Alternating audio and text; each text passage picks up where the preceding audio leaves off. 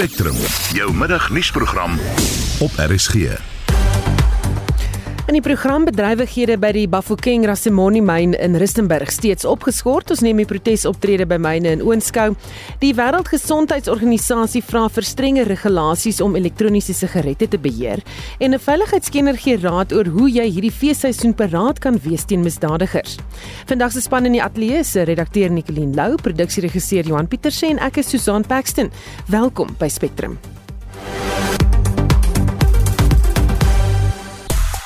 Die Proteas in Indië pak mekaar op St George's Park in die tweede eendagwedstryd in hulle reeks. Die Indiese Premier Liga veiling vind in Dubai plaas en op die hokkiebaan pak Suid-Afrika en Namibië mekaar verspoggerig in die Nkosi beker. Ek is Shaun Schuster vir RSG Sport. Ons praat later in die program met 'n ekonoom oor duur munisipale dienste en die feit dat sekere besighede groot verliese ly en nie kan byhou met munisipale uitgawes nie. Ons wil by jou weet of jy dit ook in jou huis of jou huishouding ervaar en wat is dan die grootste uitgawe op jou begroting? Is dit krag, water, dalk krediniersware? Praat bietjie saam. Laat weet gerus stuur vir ons 'n SMS na 45889. Dit kos jou R1.50 per boodskap. Die ANC president Cyril Ramaphosa sê die internasionale gemeenskap kan nie wegskram as volksmoorde deur die Israeliese weermag in Gaza gepleeg word nie. Ramaphosa het die uitlating by 'n media-konferensie gemaak nadat ANC amptenare met partye vergader het ter ondersteuning van mense in Gaza. Is dit die Klerk berig? Ramaphosa het benadruk dat mense in Gaza ondersteun moet word. As we have looked at the sufferings of the Palestinians, we have seen similar features of what the Palestinians are going through as what we as South Africans go through, went through. And for that reason, that is why we've said that what is unfolding in Gaza is a genocidal onslaught and slaughter of the people of Palestine. Hy eis ook dat 'n twee-staat-oplossing bewerkstellig word en dat die internasionale gemeenskap nie hulle rug moet draai op wat in Gaza gebeur nie. It is for this reason that we have called for a ceasefire and we even go on to say it must be beyond calling for a humanitarian ceasefire. It must be a complete ceasefire. The slaughter of people in Gaza must stop. And it has also moved on to the West Bank. That must stop and that war must be brought to an end as to allow negotiations to take place. Ramaphosa het gereageer op 'n uitlating deur Israel se eerste minister Benjamin Netanyahu en benadruk dat die kwessie van 'n twee-staat-oplossing 'n resolusie van die Verenigde Nasies is. We have withdrawn our diplomats from Israel and we have said that they should come back for consultations and those consultations continue. As a government, we have also noted, seriously noted the resolution that was taken in our National Assembly and that process of evaluating how we can proceed forward is now currently underway. Die partye wat Gaza ondersteun, vestig hulle hoop dat Suid-Afrika steun teenoor Gaza sal betoon. Hier is die leier van die Palestynse afvaardiging, Abdul Khalik. Because of the moral obligation of South Africa, because South Africa has experienced something very similar to what Israel is doing to the Palestinians. And the apartheid in Israel is similar and akin to what happened in South Africa. Because of this They have taken a rightful stance in this regard. We have called upon the South African government, together with their stance, in highlighting and continuing to highlight the situation of the genocide and to highlight the right of the self determination and the freedom of Palestine in various world forums. Intussen eis Qatar dat samesprekings oor 'n permanente skietstaking moet hervat. Die verslag is saamgestel deur Sophie Mkwena. Ek is Estie de Klerk vir SAK nuus. Lede van die Zulu koninklike familie wat prins Simakade as die voorkeur AmaZulu monarg steun, het hulle sterk uitgespreek teen president Ramaphosa se besluit om te appeleer teen die uitspraak van die Pretoria se Hooggeregshof. Lydens die uitspraak word besluit dat koning Msizulu KwaZulu-Natal die regmatige erfgenaam van die troon moet wees tersyde gestel. Die groep Zulu koninklike familielede het die naweek by die Usuthu koninklike paleis in KwaNongoma in die noorde van KwaZulu-Natal vergader. Mitsi van der Merwe berig. Die faksie wat Prins Simakari ondersteun, het vir die eerste keer vergader na verlede week se uitspraak deur die Pretoria se Hooggeregshof. Die hof het bevind dat president Ramaphosa nie die gewoonte reg en tradisie gevolg het om die Zulu koning te erken nie. Prins Tokozani, die woordvoerder van die faksie in die Zulu koninklike familie, het na die vergadering die media toegespreek en volgehou dat koning Misuzulu nie meer die wettige heerser is nie. We are happy with the judgment because the judge decided on the matter as we had approached the court. There seemed to be a misunderstanding of the judgment. Judge Davis did decide on setting the recognition aside on the grounds of being both unlawful and invalid. So now, effectively, that means that Prince Misuzulu is no longer the Zulu king. Prins Tokozani se verklaring kom ondanks 'n uitspraak van die presidentsie verlede week dat koning Misuzulu die geïdentifiseerde troonopvolger bly. Die kantoor van die AmaZulu koning Misuzulu, Kasveletini, het die aankondiging verwelkom en president Ramaphosa bedank vir die verduideliking en bevestiging dat koning Misizulu die geïdentifiseerde troonopvolger bly. Maar prins Tokazani sê sommige lede van die familie glo dat Ramaphosa se besluit verdelend is. It tells us that we have the most vacillating president since the dawn of democracy. He speaks from both sides of his mouth. The previous day he had said that he will allow the Zulu royal family to deal with the matter. The following day he issues a statement. So he is untrustworthy. For him it would appear it's, it's an intersection of his political office. In fact he has just declared himself enemy number one of the Zulu royal family and the Zulu nation. Kultuurkundiges en politieke ontleeders meen die beslissing van die Hooggeregshof gee die koninklike familie nog 'n geleentheid om hulle verskille vriendelik uit te stryk. Prins Tokozani sê die familie is bereid om eenheid onder mekaar te smee, maar erken dit gaan 'n lang proses wees. The question of forging unity can't be an event. It has to be a process.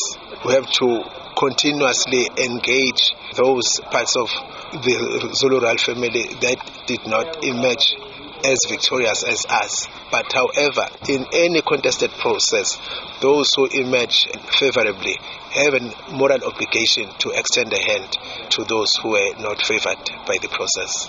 So it's a continuous engagement. We understand the sense of agency, but however, if uh, the president decides to derail the whole process.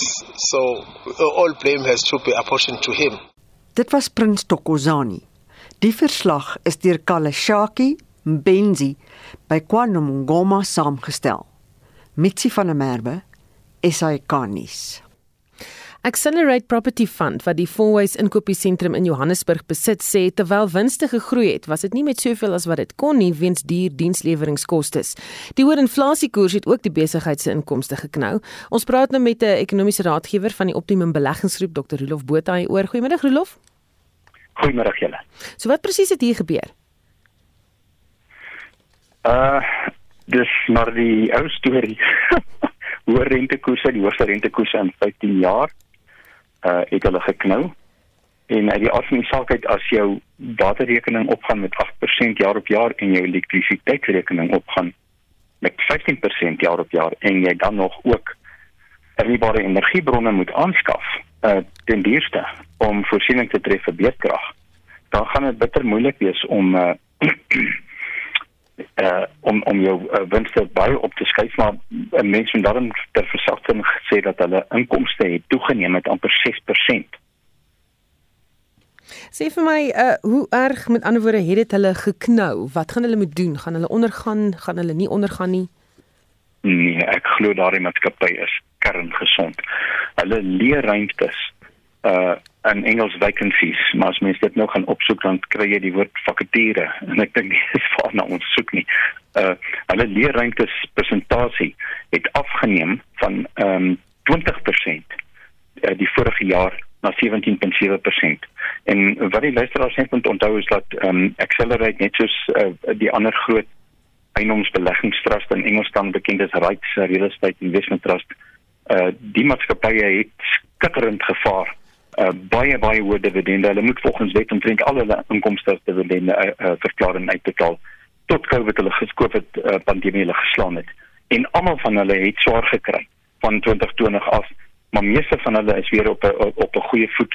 Ek sien hier so um een uh, beleggingsfirma uh, in Amerika wat ons mark baie mooi dophou verwag dat die eiendomstrust in Suid-Afrika gaan oor die volgende 5 jaar met 24% groei.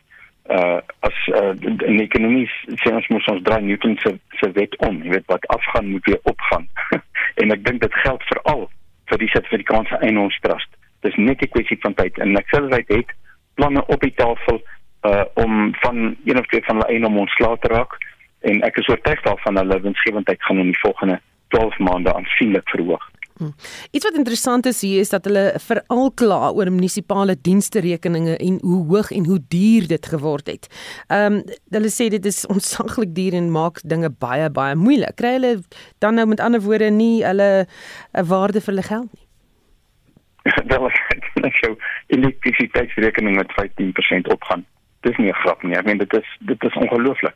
En dit is nie net hulle nie, dit is elke huiseienaar, dit is elke besigheid in Suid-Afrika wat 'n munisipale rekening kry. En uit die aard van die saak uit is daar baie munisipaliteite in Suid-Afrika waar daar mense werk wat 'n uh, reuse salarisse verdien en hulle voeg geen geen hoegenaamd geen waarde toe tot die ekonomie nie. Uh en tensy die regering in die volgende jaar of twee nie baie baie dringend aandag gee aan die ondoeltreffendheid en patetiese situasie van die munisipaliteite buite die Weskaap natuurlik met enkele ander uitsonderings uh, dan gaan ons besighede se mededingendheid uh, geknou word. Hmm. Baie dankie. Dit was 'n ekonomiese raadgewer van die Optimum Beleggingsgroep Dr. Rolof Botha. Ek sien dat Piet van Prieska sê sy grootste uitgawe natuurlik krag en Samuel wat sê ek bly alleen, my grootste uitgawe is kruideniersware en brandstof en hy sê dan my geld is tans niks werd nie. Jy kan saamgesels wat is jou grootste uitgawe? Wat kos jy die meeste tans om jou huishouding aan die gang te hou? Te midde van stygende kospryse en 'n hoë werkloosheidssyfer gebruik vroue in Alexandra, noord van Johannesburg, nou leer ruimtes in die gebied om 'n inkomste te genereer. Aanmene Eckart doen verslag. 'n Kunstenaar en filantroop, Refilwe Pieterse, was jare lank betrokke in die gemeenskap om te verseker dat mense nie honger gaan slaap nie, net om toe self op 'n dag sonder 'n maaltyd te sit. 2020 scared me a lot. It was a time where, you know, we got desperate for food. I remember myself in a situation where I had to ask for food from an organization, and I remember that organization telling me that actually, harina dijo, dijo di fedile. And I got so scared that what am I going to eat? And if habana dijo, how many other families baba sinang dijo? In die soektog na voedsame kos het sy besef dat haar eie agterplaas vars produkte kan lewer en dat haar bure ook kan saai en maai uit wat hulle geplant het. I knew nothing about food gardens, but then I started the journey. And when I started the journey, that led to me starting the farmers market. When I started the farmers market, a lot of women would come to the farmers market and sell their things. And I realized that a lot of them that came to the market, they had to stock their vegetables from elsewhere. And then I asked if they would be keen to plant their own food. And then they said they have challenges of space, more Alexander Hunadi space, tsa go jala dijo. There are some local farms that are supported by the social development which also those farms they already are available to help other charity organizations. And then i said okay we need to come up with a plan of how we could say if someone wants to plant their own vegetables, they can actually access this space and plant their own vegetables. That's how we started the farmers dialogues to understand economy. But we are in a township where we are consumers, so there is no Bible. Food security is a challenge in the township. We see a lot of people still queuing up. Die aspirant filmmaker Mashudu Magadani moes maniere vind om 'n inkomste te verdien. It's also difficult for me for getting into the film industry. Yeah? So I got interested in actually getting by exam property, right? It's very difficult me as a young person. Townships are becoming crowded, so we need more spaces. We need investments. So uh, right now, the way the economy is, it's difficult for us as young people to get jobs. You know, whether you're educated, I've got a degree. You know, I've went overseas, I've got a certificate, I've been applying for jobs. It's been very difficult for me to get a job in my industry. Pieter sê ondanks die bou van woonstelblokke, kan daar steeds groente in 'n beperkte spasie gekweek word. In a congested space, you can use a 2 liter container and then you take your seed, you grow it in there. It takes a very, very small space. That's about 10 containers filling up with what you want to see grow, whether it's spinach. Spinach grows nice in that container. Onion is the other thing that you can plant in the kibo chilies. Place them somewhere, either go with mukhandlu or in a space where you can hang them. So it becomes also creative when once you start to work around it and see how you can incorporate your small house with your green garden. Start with these small containers and start with these smaller, smaller spaces, uh, smaller gardens. Why? It's because you need to start small before you can become big. Die kunstenaar Refiel Pieterse. Die verslag is saamgestel deur Paul Makabani. Ek's aan Mina Eckart vir SAK nuus. Die feesseisoen is 'n tyd van samesyn met geliefdes en dikwels ook die tyd van die jaar wanneer ons bietjie ons skoene uitskop en afskakel. Dit is ongelukkig ook die tyd van die jaar dat diewe dikwels gebruik maak van die geleentheid om toe te slaan. Die raad is dus om ekstra paraat te wees. Is dit klerk het by 'n veiligheidskenner gaan uitvind wat die moets en moenies is. Misdaadtendense blyk van woonbuur tot woonbuur te verskil, maar wat veral in die laaste gedeelte van 2023 met rasse skrede toegeneem het, was fone wat uit mense se hande in strate gegryp word en gewapende rooftogte in huise. Andrei Eiten, die bestuurende direkteur van Beagle Watch, 'n sekuriteitsmaatskappy met 'n voetspoor in die westelike en noordelike voorstede van Johannesburg, sê die aanvalle word al meer gewelddadig. Doesn't matter how much security you've put into your home. If the guys do want to penetrate your front gate, they are going to do it. Nine times out of ten, these guys come with about five or six individuals in the car. They jump out, they open up the gate, and they simply go on and enter into your property, either if you are there or if you're not there. The sense of violence has certainly spiraled out of control. In a lot of armed robbery contact crimes, we're actually having to have the homeowner taken by ambulance. Nog 'n ernstige misdaadtendens wat toeneem is motorkapings in woonbuurte. Dikwels wanneer mense by hulle opritte of motorhuise indraai. Die motorkapings gaan ook soms gepaard met ontvoerings waarvoor lospryse geëis word. These criminals today are professionals. That's what they do for a living. And one doesn't quite realize that when you are in a relaxed state, like perhaps coming home from the airport or been out to a restaurant and had a nice meal, but you've been watched. They've often got spotters in the street. These guys do work in groups. It's pretty similar to our cash in transits that we're seeing around Johannesburg at the moment. These incidents are all planned. When you arrive home in your driveway, the last thing a South African should do today is put pull into your driveway when there is a vehicle either approaching you or behind you. Parate gedrag wat alle Suid-Afrikaners moet aanleer, maar eers dikwels bewus van raak nadat hulle slagoffers van misdaad geword het. When I'm pulling into my driveway, there is somebody behind me. So let me rather continue go around the block. It is so quick that when you pull into your driveway, that there's a suspect vehicle behind you, and it's game over. Whether they're only going to take your handbag on this event, whether they're going to take your laptop, your diamond ring, or cell phone, this is a traumatic experience for one to go through.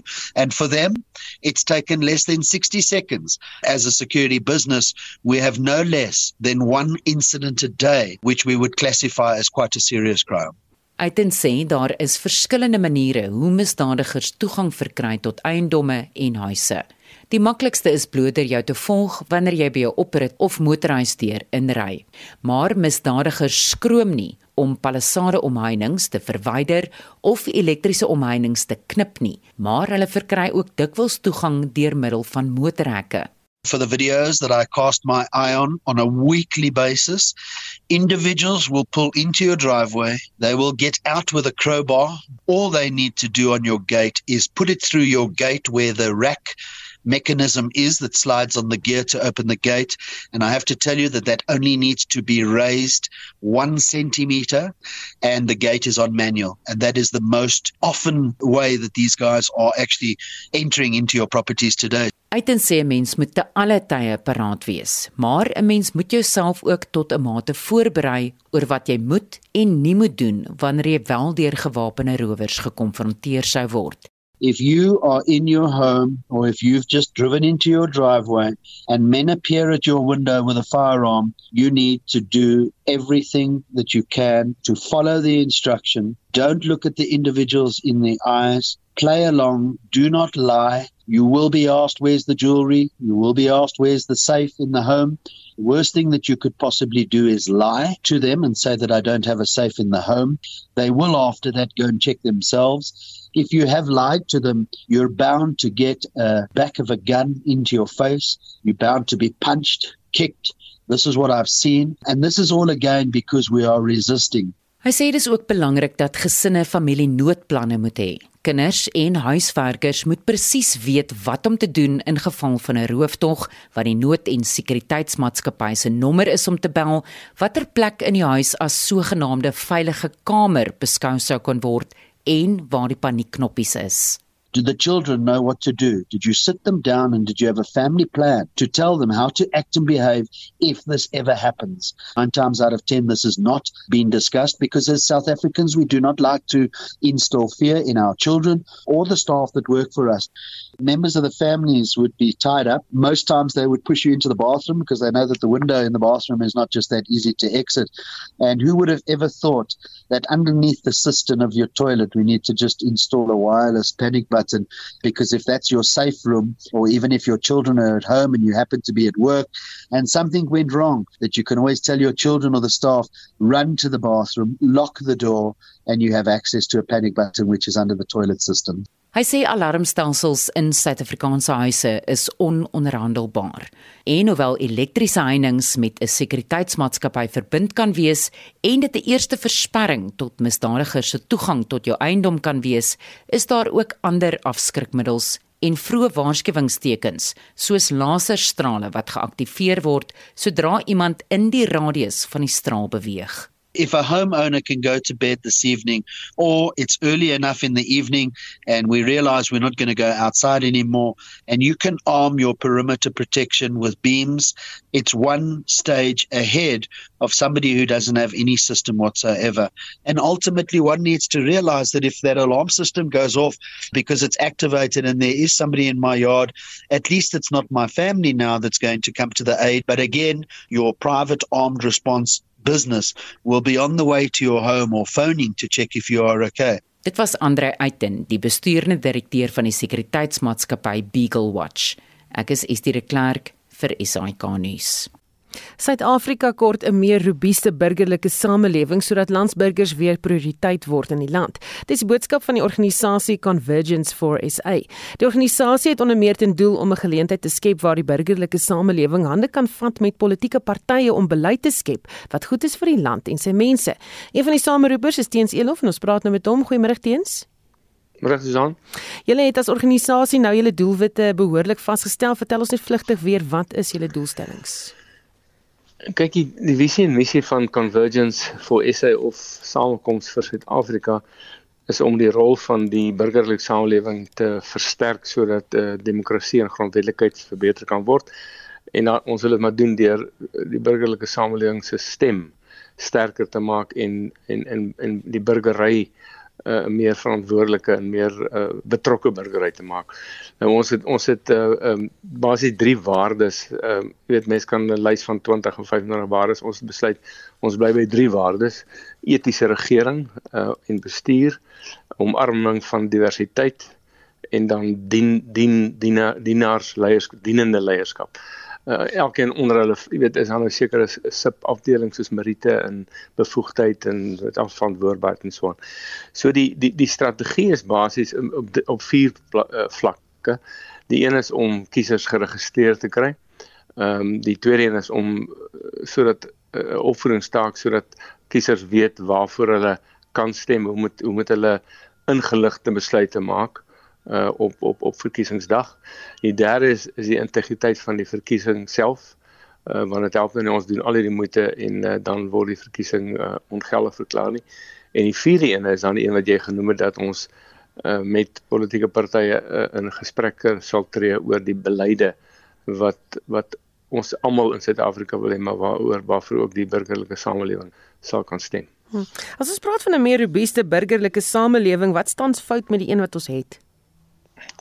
Dink daar's 'n groot mate van apatie uh onder onder die gewone burger en gewone mense. Ek dink maar die die swak stempersentasie in vorige verkiesings is een voorbeeld daarvan. Ons weet dat uh plaaslike verkiesings altyd bietjie minder is as nasionale verkiesings. Maar ons het letterlik die die die helfte van die mense het gaan stem uh en en minder as die helfte of net 'n bietjie meer as die helfte het geregistreer. So ek dink dis om te stem is die eerste. Die tweede is om op plaaslike vlak en nasionale vlak politici van alle partye verantwoordbaar te hou. Ek dink ons is te maklik sê ons ag dit sal tog niks help nie.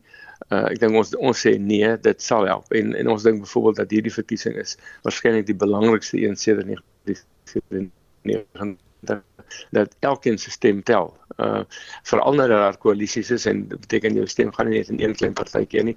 Hy kan dalk in 'n party ingaan wat 'n koalisie vorm met 'n klomp ander partye en wel 'n verskil kan maak. Sê vir my, hoe gaan julle mense kry om nie apaties te wees nie? Kyk die die organisasies wat behoort die, die, die, die Samekoms vir Suid-Afrika is eintlik 'n netwerk van organisasies. So ons het nie ons eie doelstellings. So ons het ons het nou hierdie raamwerk geskep Uh, ons werk dus deur die organisasies wat lede is en ons het so 22 organisasies uit alle vlakke van die samelewing wat wat lede is as nasionale organisasies, daar's meer plaaslike organisasies. Maar almal van hulle het met demokrasie en burgerregte en burgerryte te doen. En ons ons skat dat ons seker maklik uh, en dis nou maar 'n skatting uh, tussen 750 000 en 'n miljoen uh, me mense lede het van die 22 organisasies en as ons by hulle begin as ons as ons lidorganisasies van die netwerk kan seker maak a mense registreer b mense stem uh, b c mense stem reg. En ons kan op verkiesingsdag sorg dat baie van hierdie organisasies ook waarnemer is by elke stembus. Dan kan ons 'n verskil maak. So ons begin maar by die lede van die organisasies wat deel is van die netwerk En uh, jy julle is nie 'n politieke party nie, maar julle het dan nou ook uh, jy weet die um, verkiesing in die oog. Ehm um, hoe belangrik is dit? Kyk, ons het ons het 'n uh, eh, besluit op die vergadering verlede week dat ons is nie daar net vir die verkiesing nie. Ons dink dat hierdie taak is 'n langtermyntaak. So ons het gesê ons gaan vir onsself sê ons moet ten minste tot by 2030 tot by die volgende uh, nasionale verkiesing moet ons moet ons uh, funksioneer.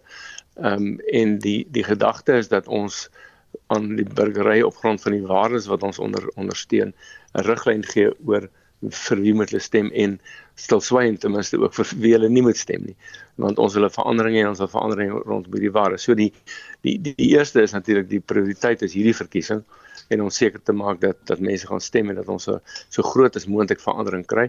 As ons dan nou nie 'n groot skaal van regeringsverandering kan kry nie, dan moet ons ten minste sorg dat ons die dat die oppositie versterk word uh, onder onder uh, een sambreel of onder twee sambrele sodat daai druk kan te, te kan kan kan toeneem. Ek dink dis dit word tamelik algemeen aanvaar dat as die ANC byvoorbeeld minder as 50% van die stemme nasionaal kry, hy waarskynlik KwaZulu-Natal en en Gauteng sal verloor. En dan beteken daar is 'n uh, oppositieregering in in drie van die provinsies. Uh, Weskaap, uh, Gauteng en, en KwaZulu-Natal natuurlik met die nuwe uh, loodsing van van Mfonto Siswe van uh, oud president Zuma as die kanse van die ANC om om beheer te verloor in KwaZulu-Natal nog nog sterker. So ons is nie verbind aan een spesifieke politieke party of of oppositieparty nie, maar uit die aard van die saak hoop ons vir uh, dat ons ons stemme en die stemme wat ons uh, mense wat gaan registreer om te stem, ook die nuwe mense sal sal regstem sodat ons in die regte rigting kan beweeg vir 'n politieke verandering in ons land. Baie dankie. Dit was Teens Elof van die organisasie Network for a New Beginning en lid van die organisasie Samekoms vir Suid-Afrika. Jy luister na Spectrum. Elke weekmiddag tussen 12 en 1. Ons praat later in die program oor die huidige plofbare situasie by verskeie myne waar werkers aan versetoptredes deelneem, bly ingeskakel.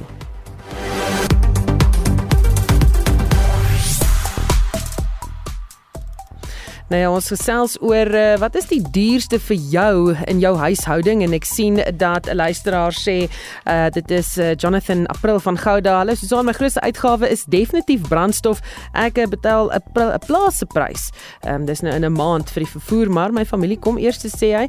En dan sê nog 'n luisteraar dis JB uit Pretoria, munisipale onkoste beloop so wat R380 per maand, uitsluitlik vir uh, belasting. Ons kry geen dienste nie. Elektrisiteit kos ons meer as R4000 per maand maand omdat ons direk by Eskom koop. Dit sluit die verbruik uit, so dit moet nog bykom. So dis 'n baie baie duur ding. Uh, baie dankie vir die saamgesels. Jy kan steeds vir my sê wat uh, is vir jou die duurste uitgawe om jou huishouding aan die gang te hou. 45889 is daardie SMS lyn.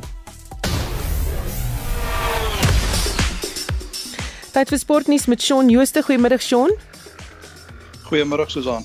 Die Proteas is beslis uh, rigting die muur in vandag se tweede eendag-wedstryd teen Indië in Kebega. Ja, die besoekers loop 1-0 voor in die reeks van 3 wedstryde. In Suid-Afrika moet die kragmeting wen om die om die reeks lewendig te hou. Nou, India kan vir die eerste keer in 32 jaar 5 agtereenvolgende wedstryde teen die Proteas wen, so daar is beslis nie 'n tekort aan motivering nie. En ek sien 5 van die laaste 6 wedstryde op St George's Park is gewen deur die span wat tweede kolf. Die Proteas aan die Lepatlekwai en Otniel Baartman het beserings opgedoen en gaan die uh, res van die eendagweeks misloop. Hulle word deur Björn Hendriks vervang en die kragmeting begin 1 uur. Die uh, speleveiling vir die 2024 Indiese Premier Liga vind vandag in Dubai plaas. Ja, meer as 300 spelers is op die lys, maar slegs 77 kan opgeraap word en uh, daarvan is daar 30 oorseese spelers. Nou uh, daar is 18 Suid-Afrikaners op die lys. Mumbai Indians het die Protea snelbouler Gerald Coetzee vir net so oor 'n miljoen rand gekoop en Tristan Stubbs het 'n Delhi Capital speler geword. Die Aussie kaptein Pat Cummins is vir meer as 4.5 miljoen rand en die snelbouler Mitchell Stark vir meer as 5.5 miljoen rand deur Sunrisers Hyderabad en Kolkata Knight Riders gekoop en ek sien 11 Suid-Afrikaners het reeds spanne gekry en dit sluit Dewald Brewes, Aiden Makrum en ook Agiso Rabada in om net 'n paar te doen. In die binnesyse in Kossie Hokkiebeker is dit Suid-Afrika teen Namibië in die eindstryd. Ja, die vroue spanne pak mekaar vanaand 6:45 by die Wynberg Militêre Sportgronde. Die Proteas het die groepwedstryde 3-1 en 3-2 gewen en die mans spanne skuur 8 uur skouers. Die Proteas C4 4-3 in die eerste groepwedstryd maar verloor die tweede een 5-2. Wat lê vanaand op die sokkerveld voor? Mamelodi Sundowns uh, speel vanaand 6uur in Egipte teen Pyramids in die 4de ronde van die Afrika Kampioenligga se groepsfase.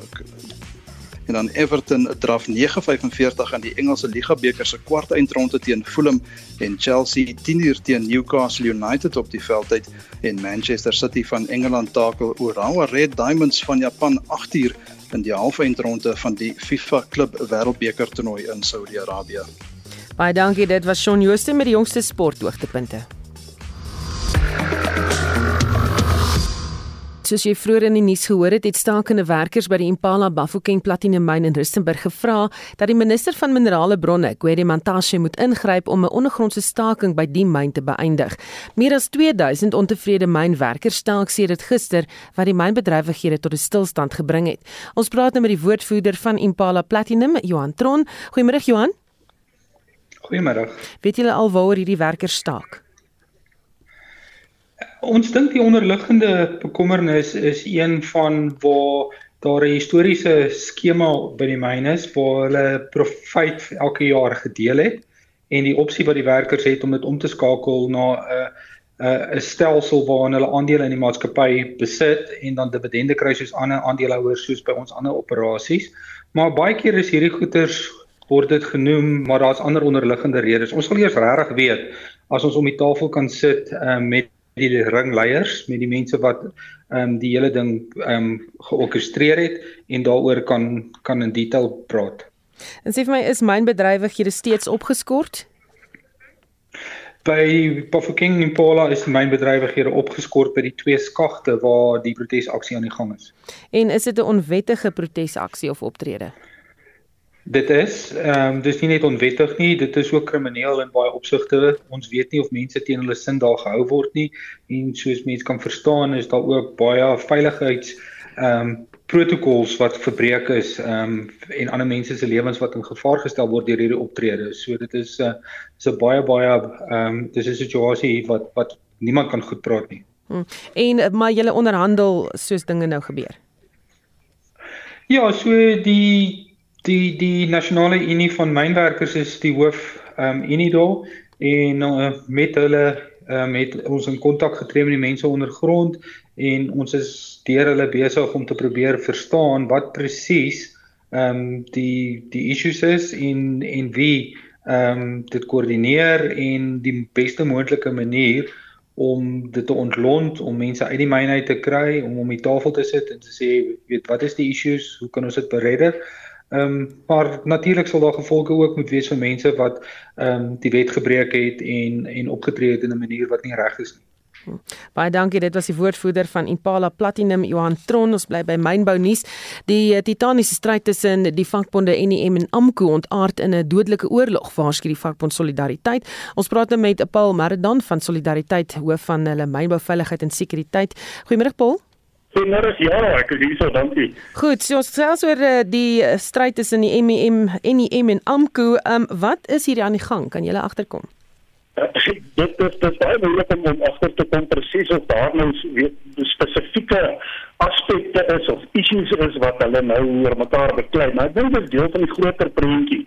Ehm um, uh, AMKU en en en en en en en se geskil gaan nou oor lede talle. Jy moet die geskiedenis ken van AMKO en NUM. Want AMKO is 'n splinter, 'n splintering van die NUM gewees. En hulle het sedert die stigting van AMKO is hulle in baie baie sterk wetywering met mekaar. Ehm um, en en dit gaan hier oor ledetalle. Ledetalle het 'n groot impak op erkenning by die werkplek wat nou weer kan lei tot 'n geslote ooreenkoms. Dit gaan oor ledegelde, agentskapsfooie, aftrekkings en oorbetalings vanaf die direkte aftrekkings en oorbetalings deur die mynse betaalstelsel daai tipe van aspekte. So uiteindelik gaan dit oor ledegeld. En die probleem wat ons net sit uh, behalwe vir hulle tradisionele geskille met mekaar 'n wetwyering met mekaar ehm um, is mynbou is besig om al kleiner en kleiner dammetjie te word ja, as gevolg van afleggings eh die ekonomie krimp en die die dammetjie krimp al meer en die en die uh, wetwyering raak al al sterker en strenger. Hoe gevaarlik is hierdie stryd?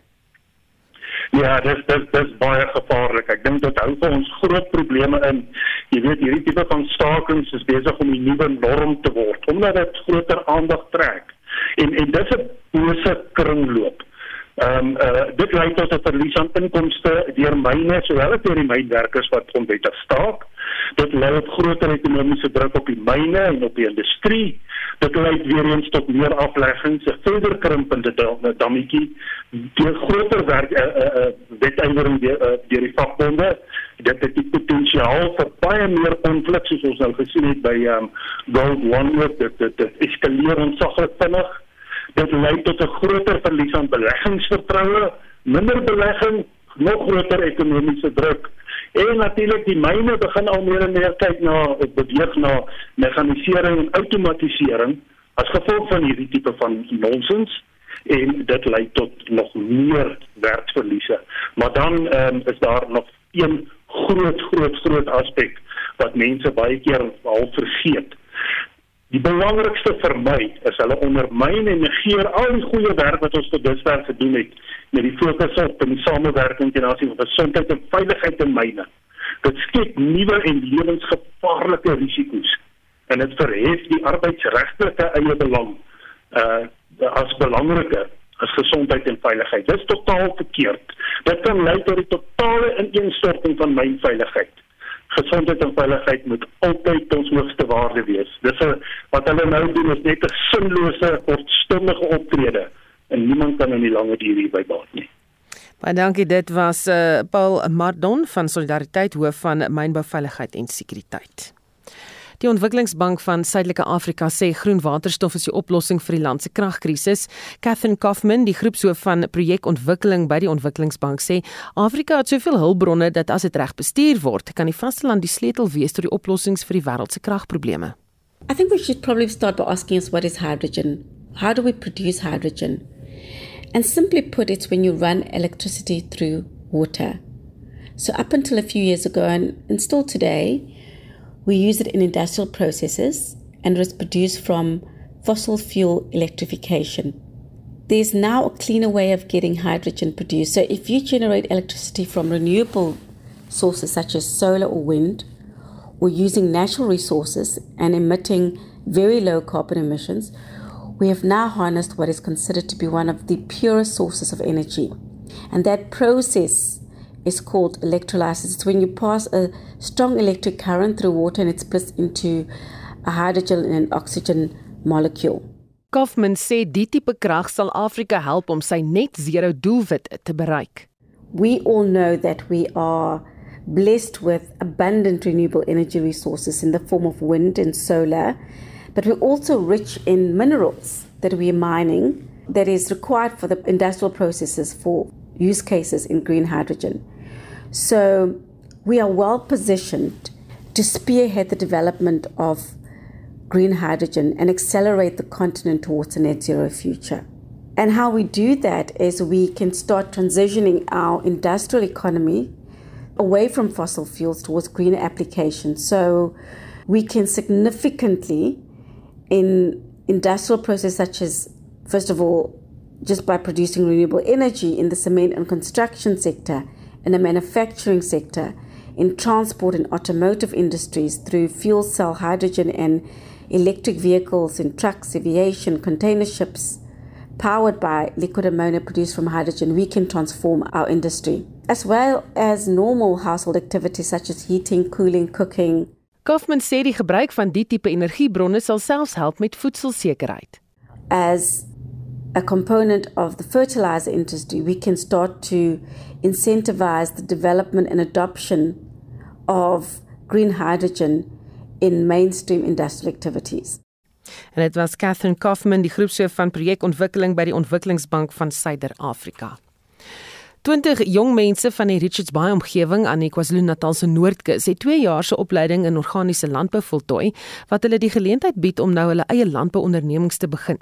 Die Wildlife and Environment Environment Society of South Africa en South 32 Hillside Aluminium het die projek begin te midde van die hoë werkloosheidssyfer en hongersnood weens die COVID-19 pandemie en onrus in 2021. Dries Liebenberg het meer besonderhede. Spam Tembo het sy werk in Johannesburg verloor toe die maatskappy waar hy gewerk het weens die COVID-19 pandemie gesluit het. Hy is een van 20 jong mense wat gekeur is vir opleiding by vier ekonodisse in gemeenskappe rondom Richards Bay. Mtembu sê landbou was een van sy vakke op hoërskool, maar dat hulle nie praktiese onderrig gehad het in die veld waaroor hy passievol is nie. So when this kind of projects came into my area, I saw it as a best opportunity, you know, just to go out there and learn how to farm organically and how to make manual farming. So it has been a great initiative even for my community because it ensures that there is food security in my area and also the members of the community, they also get employed to come and work on the farm. Tandeka Mjeni van Vloe het die geleentheid aangegryp om aan die projek deel te neem. My business is Umlingo Agri Projects. The company is registered as a vegetable farm, which is located in Hluhluwe, KwaZulu Natal. I'm supplying the community with fresh vegetables from the garden, and I open a peace job for the people. Die 20 deelnemers, wat ambassadeurs genoem word, het praktiese opleiding by nodisse in die gemeenskappe van Amangwe, Umkoma, Umklatuze en Mandlankala ontvang. South 32 Hillside Aluminium se hoof van sosio-ekonomiese ontwikkeling, Balungile Mabele, sê 'n gedeelte van die deelnemers se maandelikse toelaat tydens die kursus is gespaar sodat hulle nou die keuse het om of hulle werk by die ekonomiese voort te sit of hulle eie boerderyprojekte begin. It's important for us to ensure that when within the, our host communities, we ensure that their livelihoods are changed. And you would know in South Africa, there's only one solution really it is the soil. And if without any agricultural projects, then we don't have any future. So it's very important for us, especially the youth, because you know, now we want quick bucks, we want things that are done quickly. As South 32, we stand into collaboration with partners like WESA to ensure that our ambassadors, our beneficiaries, are able not to just have short term solutions, but long term solutions that speak to the future and sustainability. WESA se hoof van projekte, Cindy Kloete, sê moderne wetenskap en inheemse kennis is in die kursus saamgesnoer sodat daar omgewingsvriendelik geboer kan word. The dualism between science and indigenous knowledge to me is it's faulty. We need both of these partners to come together. An indigenous knowledge lens for how communities have for generations protected, fed their communities and also looked after the environment is something that we can learn from as we move forward. So that is the importance of bringing skills, knowledge and expertise to a group of young people that have the energy and the thrive to actually take that forward. Die projek bied die deelnemers toegang tot hoofstroommarkte. WESA sal die volgende 2 jaar hulle steun aan die jong mense voortsit. Ek is Dries Liebenberg in Richards Bay. Vir die jongste sake nie sluit Renier van Sail by ons aan, hy's 'n portefeuljebestuurder by Efficient Private Clients. Goeiemôre Renier. Goeiemôre Susan en so kan almal wat inluister. Ek het vir die gete vakansie het, hulle geniet dit nog en almal bly lekker veilig. As ons maar net kyk in hierdie vakansietyd na wat die markte doen en ons spring sommer weg vir die plaaslike markte. Ons sien die alle aandele indeks, hy's so 0.3% hoër vir die dag. Hy volg gesaaklik daardie Asiëse markte van vroeg vanoggend. Nou die alle aandele indeks, hy staan op so 74505 punte op die oomblik. As ons kyk na die maatskappye wat ons mark hoër dryf, sien ons transaction capital, die industriële groep, hy's op iets meer as 5% vir die dag en ons sien Pick n Pay is op met meer as 5.4%. Uh as nou is daar natuurlik ook verloders op ons mark. Alles kan nie net groen wees nie. Ons sien Clicks is laer met so 2.7% en ons sien Vodacom met so 1.3% van sy waarde verloor. Nou as ons kyk uh wat die rand gedoen het van vanoggend se vlak het, hy so klein bietjie versterk teen die dollar. Hy staan op die oomblik teen 18.50 daarso. Hy staan teen so 23.51 teen die pond en dan so 20.24 teen die euro. As maar die prys van goud kyk, is hy onveranderd op 2025 dollars per fyn ons en ons sien die prys van Brent olie, hy beweeg nog steeds hoër. Hy's op so 77 dollars 82 per vatjie Brent. Ons weet natuurlik die prys van Brent het hoër beweeg sedert gister uh omrede daar aanvalle was op skepe wat deur die Rooi See olie vervoer het. En dan as ons ook kyk na die Amerikaanse markte, lyk dit asof hulle later vanaand in die groen wil oopmaak. Ons het daar vroeër vandag gehoor dat ehm um, die uh, Alphabet wat Google onder andere besit, hulle het gesê hulle gaan so 700 miljoen Amerikaanse dollars betaal aan die owerhede. Hulle is onlangs hof toe gevat omrede hulle monopolistiese praktyke in hulle App Store gevoer het. En dan natuurlik as ons kyk na die res van Europa, sien ons die DAX in Duitsland op met 0.4% en die FTSE 100 in Brittanje is op met 0.2%. So so anders my storie vir vandag en ek hoop hulle 'n baie lekker dag verder. Totsiens. Baie dankie, dit was uh, Renier van Sail van Efficient Private Clients.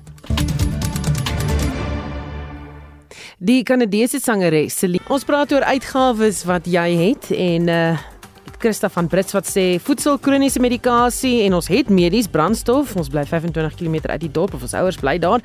Dit is nogal so daai kroniese medikasie wat so duur is. Nog iemand wat uh, met baie uitroeptekens sê brandstof. Malie wat sê ons elektrisiteitsrekenings tussen 10 en 14000 rand per maand en nog iemand wat sê ons is tussen 6 en 7000 rand per maand. Ons probeer krag spaar. Dan sê Anita sy het 'n plan. Uh kos was vir my die duurste. Nou koop ek klaar voorbereide kos afgelewer by my huis is 2.500 rand 'n maand ek spaar alles. 'n Stoof werk amper nooit hierson nie. En dan sê Marius van Woester, grootste uitgawe is verblyf in 'n ouer huis. Ek's in 'n woonstel en die vrou is in die versorgingseenheid. Dit beloop lyk like dit vir my R26000 per maand. Dit is dan iets vreesliks. Nou ja, baie dankie dat jy saamgesels het vandag. Ont, uh, onthou ons vorige uitsendings is op uh, eh, RC se webblad beskikbaar. Ons het namens die uitvoerende regisseur en redakteur Nicoline Lou, die produksieregisseur vandag Johan Pieterse, my naam Susan Paxton. Geniet jou middag.